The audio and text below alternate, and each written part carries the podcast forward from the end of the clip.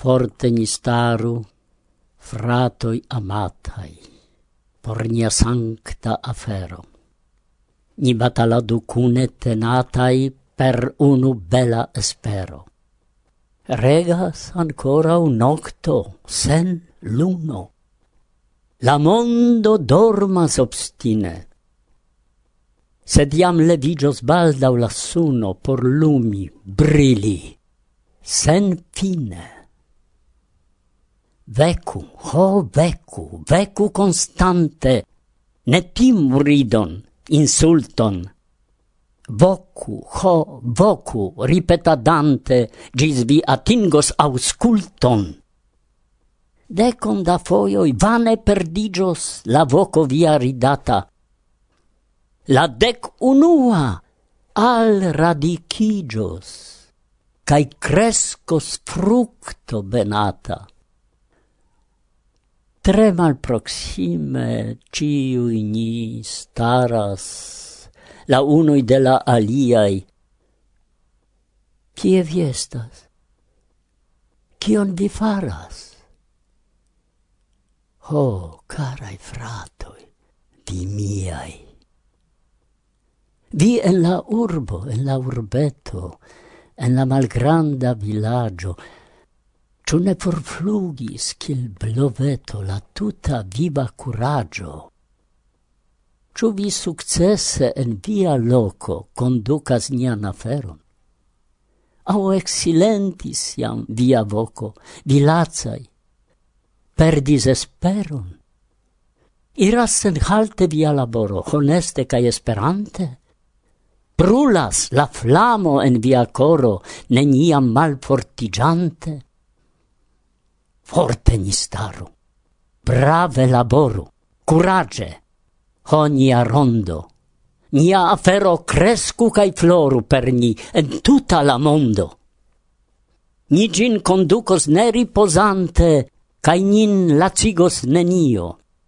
Ni gin traportos sancte jurante tral tuta mondo de Dio.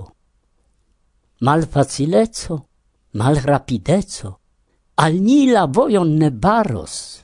Sen mal honora mal curagezzo, ni kion povos ni faros. Staras ancorau en la comenzo, la celo en mal proximo. Ni gin atingos per la potenzo de nia forta animo.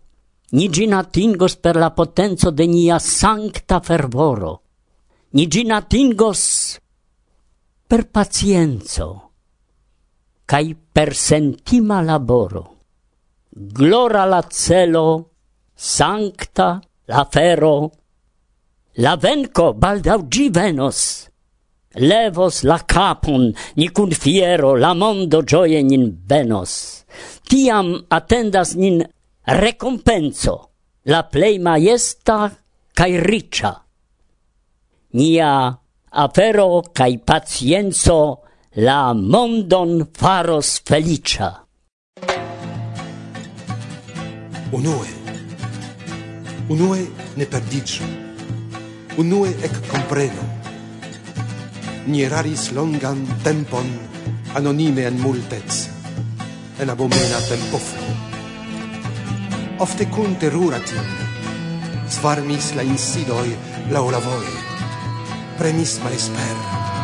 Tute ne antaŭvidite trafis nin tiu accia embusk. Sed le vigias son, tiu crescas iam, sereniga voc, urĝas che vi iru plu, che vi dediĉu vin alla fecunda vojo. Neniam tardas tro. Ien la in, ien la spir, ien la...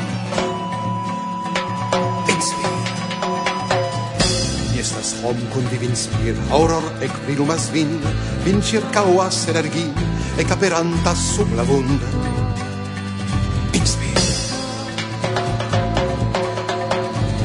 Priscio sur la vivo voi, silentas vian dol shamir, ciam crevas febla branch, ien rice verba viv desir. Inspir. Ŝi estas muso en solec, spegulonto ni civirin, observis cache cel fontan, vi presca une rimarcis cin, sed esis kiel randevu. ci antaŭ longe en sopir, arrangis via cun vi mem, frenezkuraĝa Is Inspir!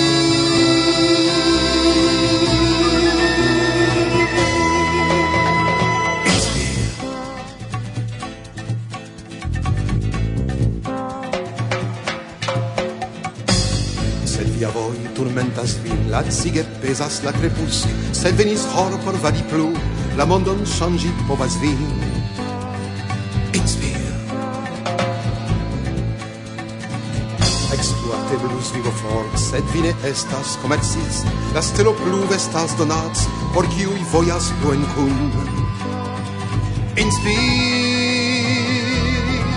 Kai tiu muso en stres, virinas plu kai plus en ses, kai kiel fonto en desert, memoro in refriscigas si, cis venas sequa pilgrimant, perdidat siom kiel vi, sed la sushim scia fond, si resum la propram, inspir!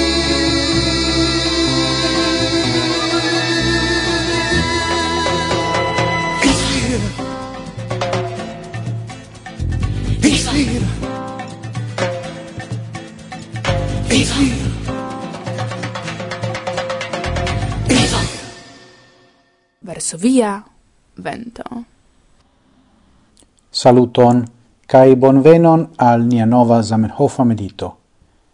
Ien la saluto kion mi donas al la publico kion sekvas la mediton serion pri Zamenhof cae la originala vercaro. Saluton carai auscultantoi de la podcasto Varsovia Vento, kai apartan dankon al irek kiu invitis min, doni kelkain pripensoin pri la medito serio mem.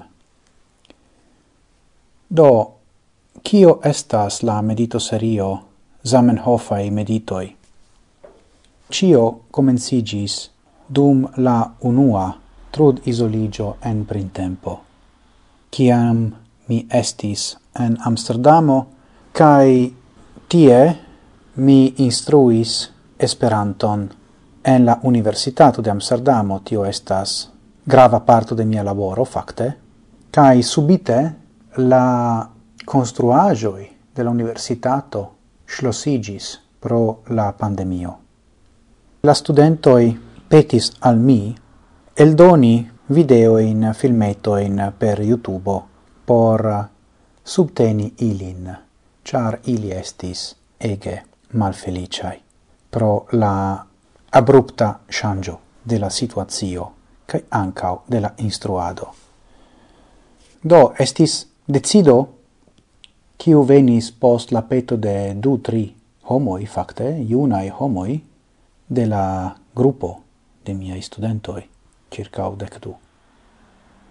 Cai mi ne povis anticipe compreni che tio disvolvigios en alia directo. Do la unua videoserio estis titoligita Cronvirus tempe vivi, kai mi donis en libera formato iom post iom. Mi eh, ni diru trainigis kai profesiigis iomete. Mi donis entute sestec kvar episodoin por vigligi la feron mi doni strukturon kai mi havis helpon de profesia filmisto, kio estas ne esperantisto, Alberto Sansone, uno e la mia amico, kiu donis al mi malavare consiloin, kai ancao mi ricevis helpon fare de uno ela mia studento, pri interlinguistico kai Esperanto kai planlinguistico generale.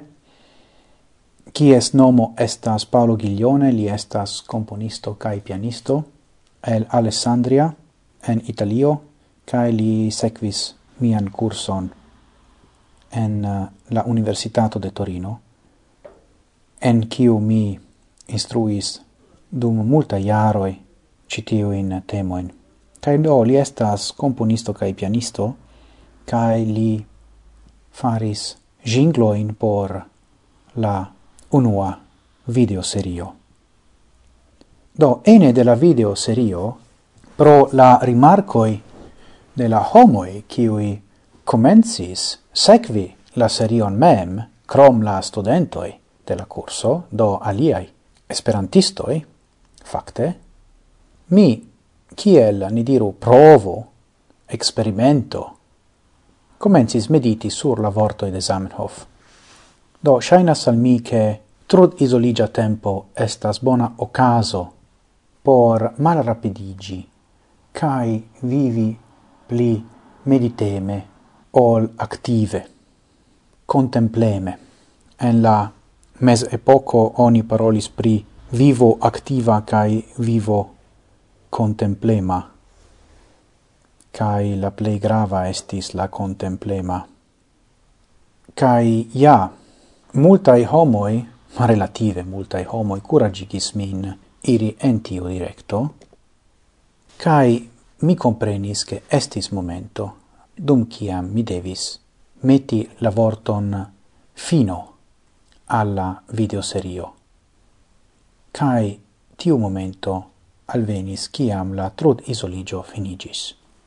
La unua ondo, se vi volas usi tiun metaforon, de la covima epoco finigis. Sed mi ne volis halti la mediton serion sur la vorto de Zamenhof. Do malpli longa afero, do ciui episodoi estas tri quar minutoin, ne plu, cae do mi por mi mem fakte, kai miai fidelai auscultantoi, malmultai sed eh, ege activai kai curagigai, mi decidis plu mediti sur la vortoi de Zamenhof dum unu iaro, ciu tage, do entute la medito serio dauros unu iaron. Tricent sestec ses meditoin entute. Cai mi devas diri che post iom da tempo mi iom malcuragicis. Char estas granda laboro, ni diru, ciutage dedici unu horon, sen depende de cio ocasas dum la tago, alla surbendigo, montado, cae alshutado en diversai sociai retoi de la medito mem kiu estas kai videa kai auda. Do estas vid kai aud podcasto samtempe. La echo en la esperanta mondo estis malgranda. Kai por malpesigi mian coron, mi decidis blogi pretio en platformo mediumo.com medium, fakte, la dudecan de septembro. Kai pro tio, verdire, estis rimarcoi cae reagoi, cae tio donis novan curagigon al mi mem. Mi vere giuas mediti sur la vortoi de Zamenhof cune, cun mediti.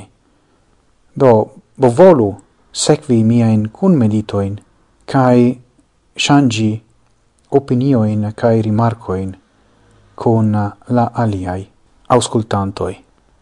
Ne temas pri professoremai meditoi, ne temas pri universitatai lezionoi el catedro, sed pri simplai pripensoi pri la vivo, danke al el tiroi el la vercaro de Zamenhof.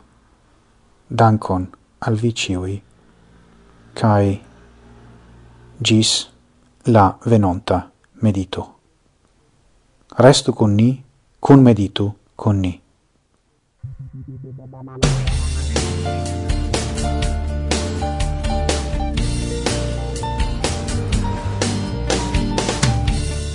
Esperanto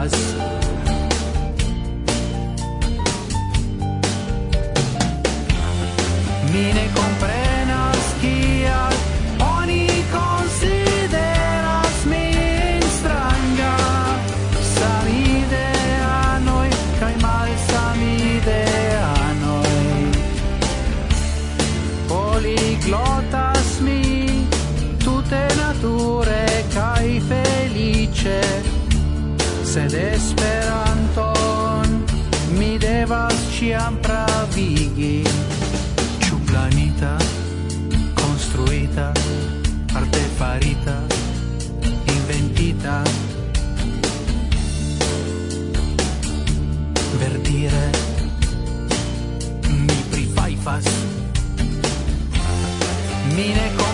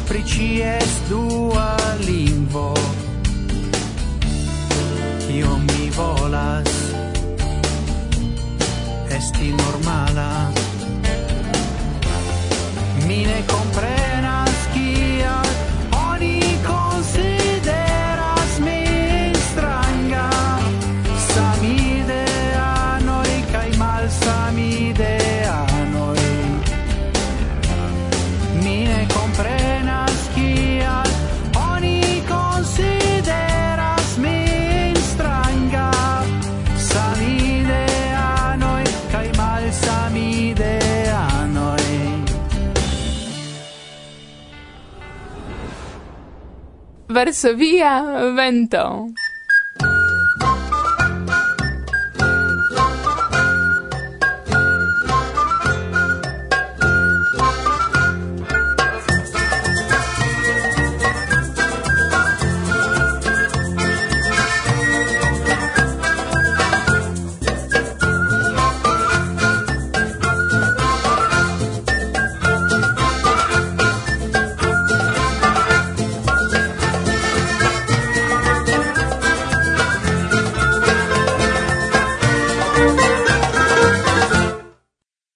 Estimatai signorinoi cae signoroi,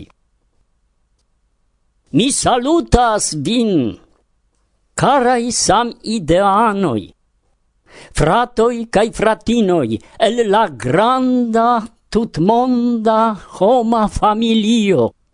Mi salutas vin ancau glora lando Franzuio, cae bela urbo Bulonio sur maro kiu bonvole oferis gastamon al nia congresso. Sancta estas por ni la hodiaua tago. Tra la aero de nia salono flugas misterai sonoi. Sonoi tre malautai, neaudeblai por la orelo sed senteblai por ciu animo sentema. Gi estas la sonoi de io granda, cio nun nascigas. Tra la aero flugas misterai fantomoi. La oculoi ilin ne vidas, sed la animo ilin sentas. Ili estas imagoi de tempo estonta, de tempo tute nova. La fantomoi flugas en la mondon, corpigios cae potencigios, cae niai filoi cae nepoi ilin vidos, ilin sentos cae giuos. En la mondon venis nova sento, Tra la mondo iras forta voco, per flugiloi de facila vento, nun de loco flugu gi al loco. Ne al glavo sangon soifanta, gi la homan tiras familion, alla mond eterne militanta, gi promesas sanctan harmonion. Sub la sancta signo del espero collectigas pacai batalantoi, cae rapide crescas la afero per laboro de la esperantoi. Forte staras muroi de miliaroi, inter la popoloi dividitai, sed disaltos la obstinai baroi per la sancta amo disbatitai. Sur neutrala lingua fundamento, comprenante unu la alian, la popoloi faros en consento unu grandan rondon familian, nia diligenta collegaro, en laboro paca ne lacigios gis la bella sonjo del homaro por eterna ben effectivigios.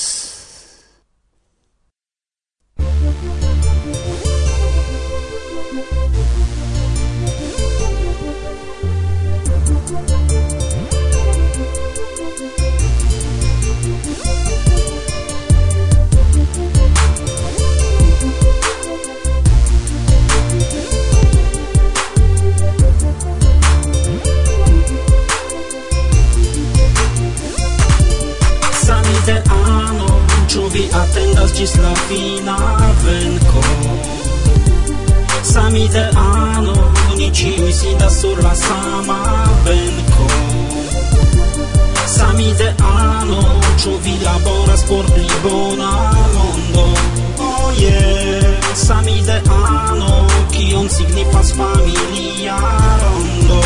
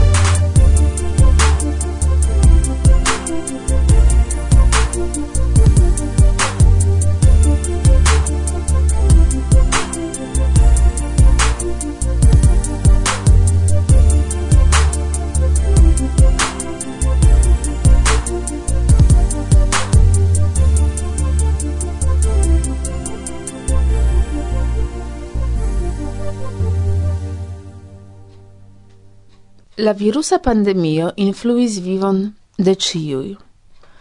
Gi frostigis la normalan vivon, economion, malliberigis multain homoin heime. Causis bataloin ec pri necesseia papero, faruno, pasto, cae sapo. Malplenai vendeioi comence, malplenai de varoi, vicoi antau la enirejoi, conflictoi. Cio tio videbligis clare la plei bonain cae mal bonain ecoj cae instinctoin de homoi. Dum ciam unu helpis alla la ancora alia pensis nur pri si mem, preta batali pri siaj. Sed kiel ne rigardi, tion oni povas atendi dum ciam venas iu crisa tempo. Surprize, tamen pri kio mal ofte ni povas audi, crescis interesigio pri hundidoi. De certa tempo mi havas impreson che ciu dua persona en Polando serĉas hundidon. Yes, vere. Interesse de kie venas tiu interesigio? Ĉu tio rekte rilatas al la pandemio kaj ĉu aĉeto de la hejma besto en tiu tempo estas fakte bona ideo? Hm.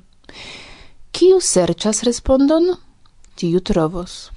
Do mi esploris la reton, kai mi trovis informon, ke kontakto kun bestoj povas protekti nin eĉ kontraŭ kronviruso, imagu. La plej populara opinio pri tio venis el la pola bestkuracistino Dorota Surminska, kiu rilatas al hipotezo de la hispana hospitala kuracistino Sabina Olex Kondor. Bestoj havas iajn ecojn, kiu povas protekti nin kontraŭ kronviruso. Mikroboj, kiuj loĝas en ili, estas kuzoj de aliaj mikroboj. Proksima kontakto do kun la bestoj povas krei ĉe ni imunecon kontraŭ tuta vico da infektoj danĝeraj por homoj. Ne timu do ilin karesi, kisi, eĉ dormi kun bestoj, ĉar dank al tio ni povas iĝi rezistaj ankaŭ kontraŭ kronviruso. Estas conata vero che posedo de la hejmaj bestoj povas havi pozitivan influon al sano de homoj. Mvena Mubank kaj kun autoroi montris, ke havi hejmbeston reduktas riskon de kardiovaskula akcidento. Kaj laŭ Ridgers kaj Bernan Ec dec ok minuta contacto kun besto efficas positive la immunosistemon kai pliigas la productadon de immunoglobulino A en la corpo. Tamen, nun tempe existas neniui studoi por confirmi che contacto con bestai virusoi au aliai zoonotai patogenoi povas produkti ian krucereziston kontraŭ SARS-CoV-2. Tio signifas, che posedantoi de bestoi probable riscas contacton con cronviruso COVID-19 kiel la resto de la homaro.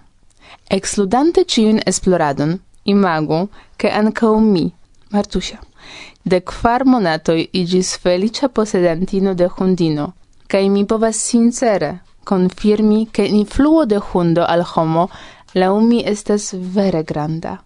Hundo povas prizorgi homan sanon, redukti strecain niveloin cae pliigi la viv qualiton. Dank al hundo malaperas malbonaj kutimoj, anstatawigas ilin longai cunai promenadoi, kaj kio gravas? Por iom kaosigitaj personoi, bestoi instruas regulecon kaj respondecon. Kaj kio koncernas hundon, gie camos vin absolute kaj sen condice, kaj donacos al vi sian tutan malgrandan koron. Interesse, ĉu? Krome, shaine ancorau contrau vola quaranteno, same kiel laboro heime, contribuis crescon de interesigio posedi propran beston. Multai homoi probable volas adopti hundon de longe, sed pro la pli frua labor maniero simple ne povas gin havi. En la nuna situatio, ciu el ni serchas iom da gioio, espero au simple normalezzo. Kai kiu supposeble certigos tion? Hm? Eble vostos finganta profelicio? Memoru tamen, che la camaradezzo de heimbesto ne finigios con la fino de isolezzo. Tia la decido de adopto, au aceto, devas esti zorge pripensita cae respondeca. Fin fine la hundo igas amico dum multa iaroi, ne nur dum tempo de la pandemio. Martusia.